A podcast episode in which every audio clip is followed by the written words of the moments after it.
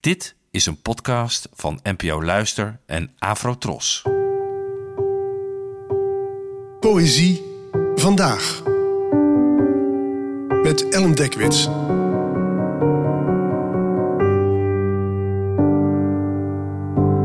Hallo, fijn dat je luistert. Het gedicht van vandaag heet Huurkamer en werd geschreven door de Chinese dichteres Zheng Xiaoqiong, geboren in 1980.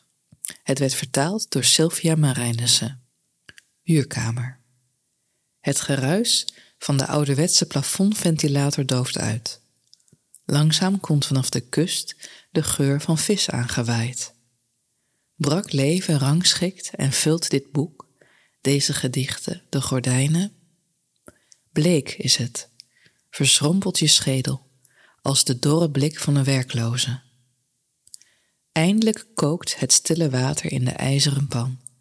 Gloeiende chaos, een zwart slot, gouden instant noedels, een rijstkom, een schaal en een schoongewassen bosuitje. Het enige restje groen in dit leven. De dichteres Zheng Xiaoqiong is een van de bekendste moderne Chinese poëten. Als jonge vrouw trok ze naar Dongguan, dat is een van de grootste industriecentra in het zuiden van China. En ze ging daar in een poging tot een beter leven werken in diverse fabrieken. En dat fabrieksleven zelf betekende geen verbetering van haar levensomstandigheden, maar het inspireerde haar wel. Langzamerhand begon ze gedichten te schrijven over het arbeidersbestaan. Het overeind blijven in een vaak kille en mechanische omgeving. En inmiddels trekt ze met deze verse de wereld over. Geeft ze op die manier een stem aan de miljoenen naamlozen die schuilgaan achter de woorden Made in China. In dit gedicht staat voor mij isolement centraal, in een kunstmatige omgeving. Er is geen wind, maar een oude plafondventilator.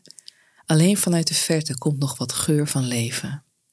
De ik-figuur gaat koken het wordt ook geen maaltijd om over naar huis te schrijven met die ijzeren pan en die instant noedels.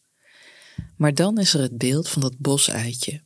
Het enige restje groen. Het laatste beetje natuur in een stille en haast steriele omgeving.